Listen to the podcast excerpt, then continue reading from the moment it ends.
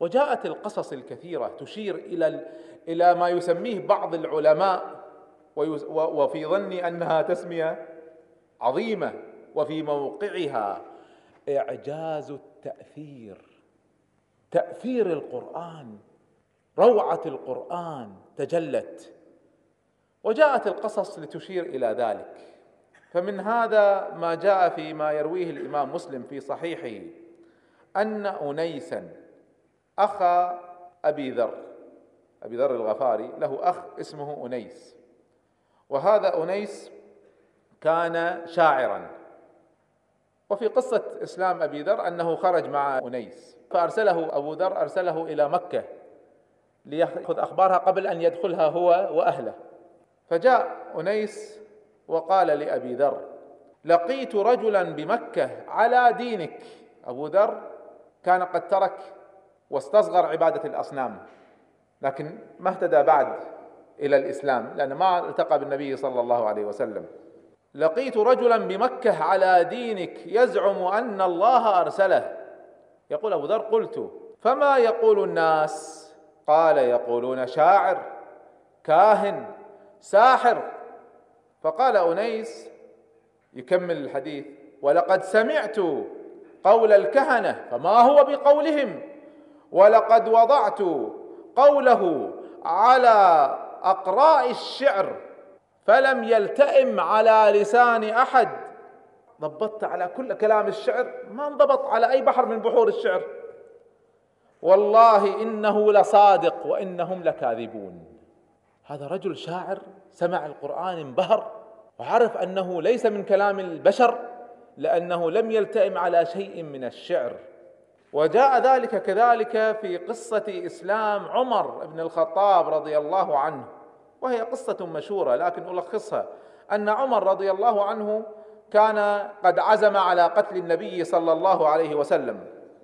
فحمل السيف وتوجه يبحث عن النبي صلى الله عليه وسلم لا يدري أين هو. فلقيه نعيم بن عبد الله رضي الله عنه وكان مسلما قد أخفى إسلامه. فرأى في وجه عمر الشر فسأله إلى أين؟ قال لأقتل. ذلك الرجل الذي فرق بيننا. فنعيم أراد أن يثنيه. قال أو ترى أن بني هاشم يتركوك؟ قال وإن قتلوني. الذي كان يمنع سادة قريش من قتل النبي صلى الله عليه وسلم الخوف من الثأر. فهو يريد أن يذكره أن هناك من يحميه. فوجد أن هذا الرجل عازم على قتل النبي صلى الله عليه وسلم حتى لو قتل فخاف على النبي صلى الله عليه وسلم. هذا رجل بايعها مثل ما نقول.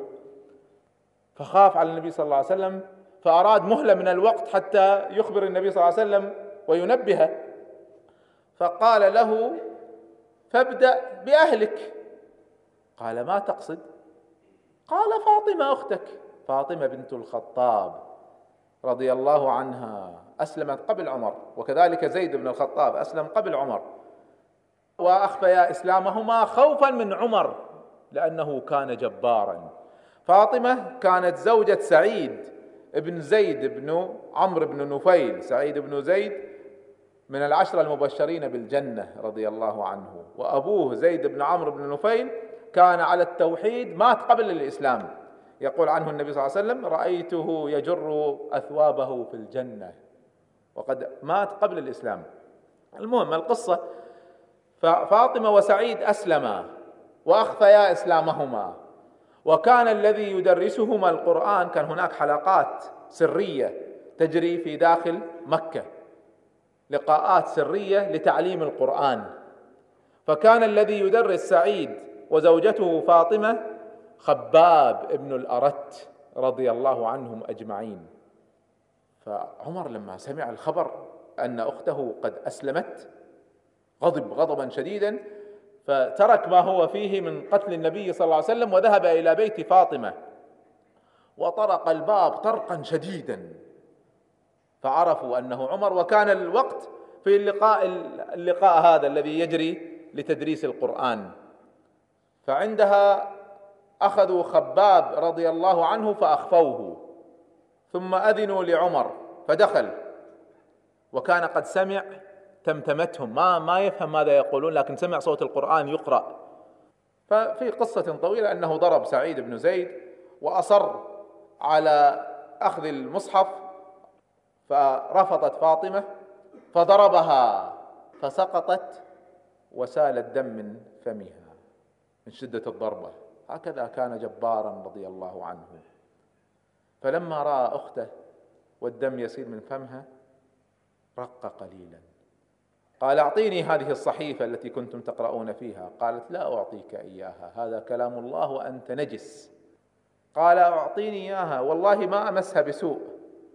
قالت ما أعطيك إياها حتى تغتسل. فملأه الفضول فوافق فاغتسل فأعطته صفحة المصحف.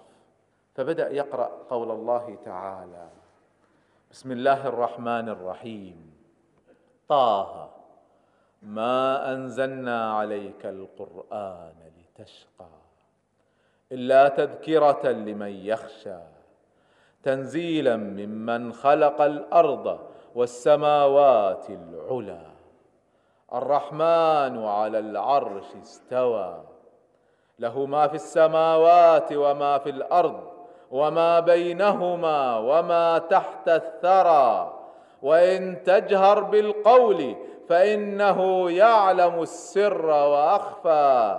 الله لا إله إلا هو له الأسماء الحسنى. فاهتز عمر من روعة القرآن. اهتز وتأثر وقال ما أحسن هذا الكلام وأكرمه. دلوني على محمد. فهنا شعروا أنه رق للإسلام. فخرج خباب رضي الله عنه من مخبئه ودله على النبي صلى الله عليه وسلم وأسلم عمر. أسلم ليس بالحجه والمنطق لم يسلم بدليل الإعجاز العلمي ولا التاريخي أسلم بتأثره بروعة القرآن. فتأملوا رحمكم الله وسبحوا الله عز وجل القدير العليم. والسلام عليكم ورحمة الله. الحمد لله الذي لهج لنا سبيل الرشاد وهدانا بنور القرآن. ولم يجعل له عوجا.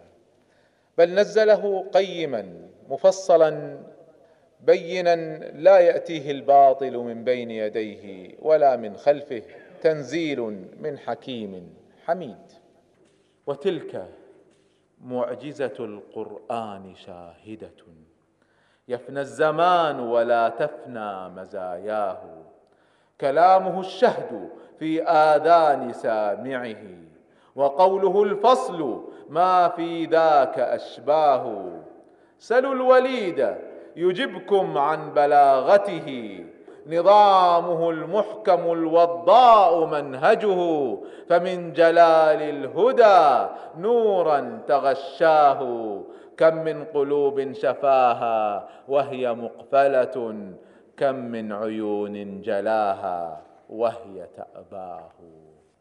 سلوا الوليد سلوا الوليد بن المغيرة سلوا سيد مكة سلوا الذي قال عنه القرآن لولا أنزل هذا القرآن على رجل من القريتين عظيم.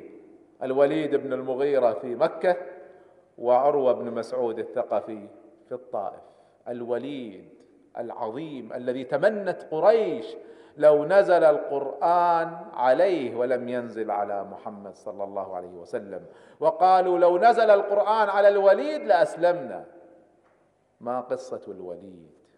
لما جاء موسم الحج واقترب اجتمع سادة قريش. فقال لهم الوليد إن وفود العرب ترد فأجمعوا فيه. يعني اتفقوا على قولة واحدة في محمد. لا تختلفوا. لا واحد يقول شاعر واحد يقول كاهن واحد يقول ساحر. العرب ما تصدقكم. اتفقوا على قول واحد في محمد صلى الله عليه وسلم. فأجمعوا فيه رايا لا يكذب بعضكم بعضا. فقالوا نقول كاهن. فقال والله قال الوليد والله ما هو بكاهن. ولا هو بزمزمته ولا سجعه. كهان لهم أقوال مسجوعة يعني تنتهي بنفس الحرف ونفس الطريقة. وزمزمة كلام غير مفهوم. هذا كلام الكهان المشعوذين. أنا أعرفهم. ما هو بكلامه؟ كلامه واضح بين. قالوا نقول مجنون. قال ما هو بمجنون؟ ولا بخنقه ولا وسوسته. المجنون له انفعالات معينة وتصرفات معينة. ما هي عليه. المجنون يتكلم مع نفسه يوسوس. ما يتكلم مع نفسه يتكلم مع الناس كلام عاقل. لا يعقل أن نقول عنه مجنون. قالوا نقول شاعر. قال ما هو بشاعر؟ فقد عرفنا الشعر كله رجزه وهزجه وقريضه ومبسوطه ومقبوضه. ما هو بشاعر؟ قالوا فنقول ساحر. قال ما هو بساحر؟ ولا بنفذه ولا عقده. النفث النفخ والعقد التربيط هذا شغل السحرة. ينفثون ويربطون. نعرف شغل السحرة. ما يفعل شيء من أفعالهم. قالوا حيرتنا فما نقول؟ فقال والله ما يشبه الذي يقول. شيئا من هذا. والله إن لقوله لحلاوة وإن عليه لطلاوة وإنه لمثمر اعلاه مغدق أسفله وإنه ليعلو ولا يعلى عليه وإنه ليحطم ما تحته. أي وصف من بليغ من بلغاء العرب سيد من سادة قريش أكثر شهادة للقرآن من هذا.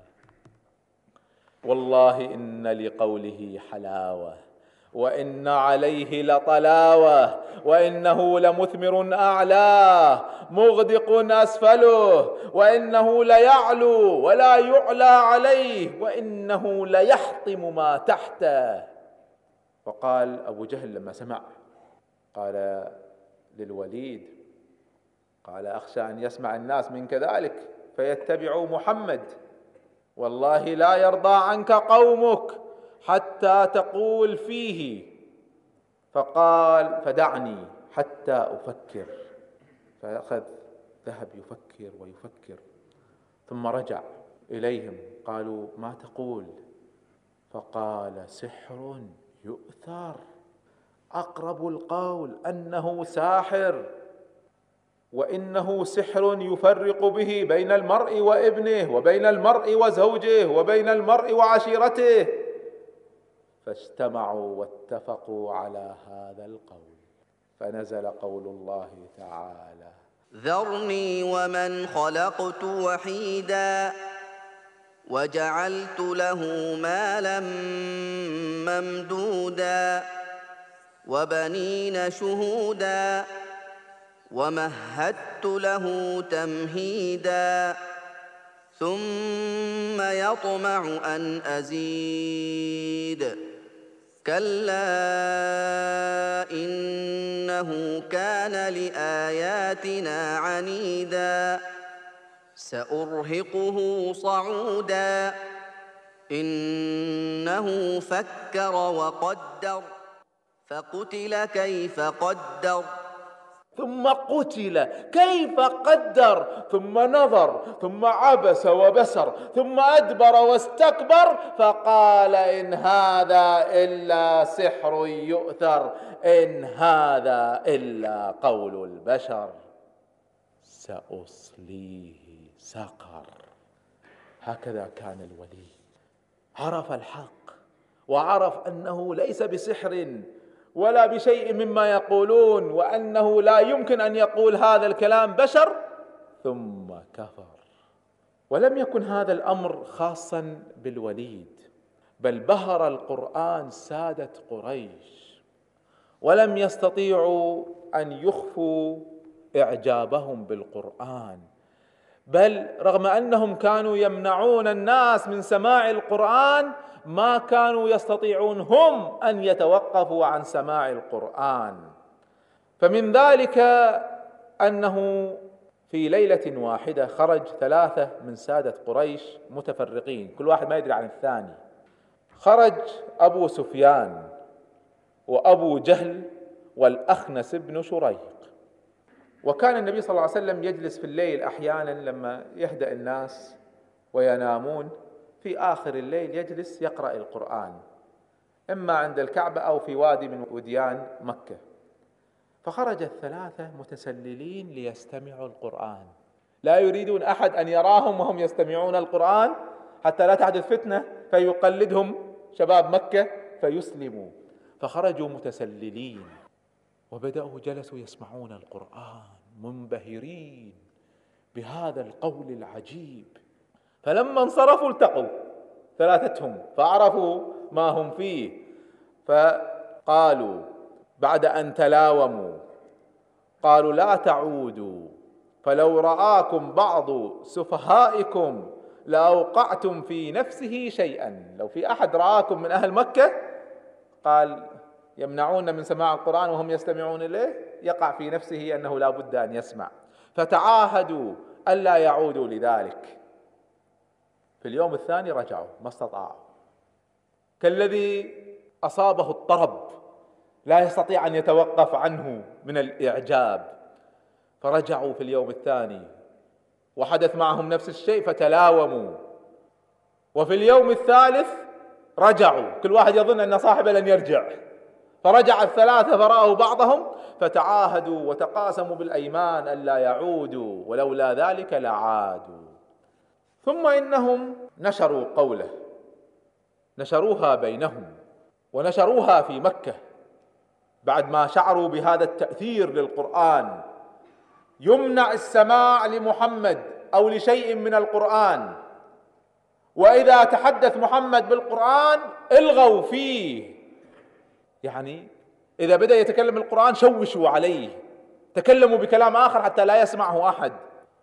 ونشروا هذا الكلام في الناس. فلما كان موسم الحج وجاء سادة قريش وجاء الناس بدأوا يلتقون بالذات بالسادة كانوا يخافون على سادة القبائل أن يسلموا حتى لا ينصروا النبي صلى الله عليه وسلم. من هؤلاء السادة الذين جاءوا سيد قبيلة دوس الطفيل ابن عمرو الدوسي رضي الله عنه يروي الحادث يقول قدمت مكة ورسول الله صلى الله عليه وسلم بها. فمشى إلي ثلاثة من سادة قريش. وكان الطفيل شريفا شاعرا لبيبا عاقلا. فقالوا له يا طفيل إنك قدمت بلادنا. وهذا الرجل الذي بين أظهرنا قد أعضل بنا. يعني أعيانا أمره. ما استطعنا نفعل شيء تجاهه. وقد فرق جماعتنا وشتت أمرنا. وإنما قوله كالسحر يفرق بين الرجل وبين أبيه وبينه وبين أخيه وبينه وبين زوجته. وإنما نخشى عليك وعلى قومك ما قد دخل علينا. نخاف العدوى تنتقل لكم. فلا تكلمه ولا تسمع منه شيئا. يقول فما زالوا يخوفوني منه حتى أجمعت ألا أسمع منه شيئا ولا أكلمه. ثم إني مررت أطوف بالكعبة وإذا هو جالس محمد صلى الله عليه وسلم جالس يقرأ القرآن. يقول فأخذت كرسفا قطن فوضعته في أذني حتى ما أسمعه. شوفوا التخويف وصل بهم أي منزلة. يقول فوضعت في أذني كرسفا فرقا من أن يبلغني شيء من قوله. أخاف أمر أسمع كلمة يسحرني بها. هكذا وصل الأمر بهم. يقول فأخذت أطوف. والنبي صلى الله عليه وسلم جالس يقرأ القرآن. يقول وأنا أطوف بديت أفكر. قلت يا طفيل أنت عاقل وشاعر. ما يخفى عليك كلام أحد من البشر. فكيف تمنع نفسك من السماع؟ يقول فما زال هذا الحديث بيني وبين نفسي.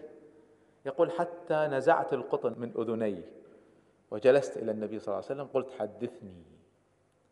يقول فما زاد على أن قرأ من القرآن. بدأ يقرأ علي القرآن. ما بدأ يستعمل الدليل والمنطق والحجة والإعجاز العلمي والع... ما استعمل هذه الأساليب فقط بلاغة القرآن المكي الذي ليس فيه تشريع.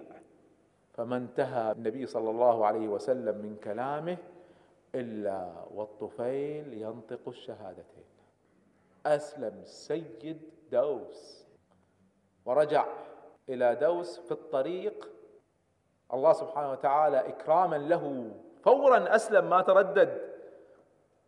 أظهر على يديه كرامة. فكان بين عينيه نور يسطع. نور ينير له الطريق. معجزة ظهرت. لا تسمى معجزة تسمى كرامة لأنها ليست للنبي. كرامة ظهرت للطفيل. فقال اللهم في غير جسدي. حتى لا يقولون مثله. لا يقولون الآلهة الأصنام مثلت بك. يخاف يعتبرونها تشويه. واحد في وجهه نور غريب. فانتقل النور من وجهه حتى كان في طرف سوطه فكان يسير والصوت يضيء له الطريق. وذهب ودعا قومه وظل يدعوهم إلى الفترة المدنية. وجاء فيما بعد ومعه قبيلته قد أسلمت. هذا الشاعر العاقل الشريف السيد ما الذي جعله يسلم؟ روعة القرآن.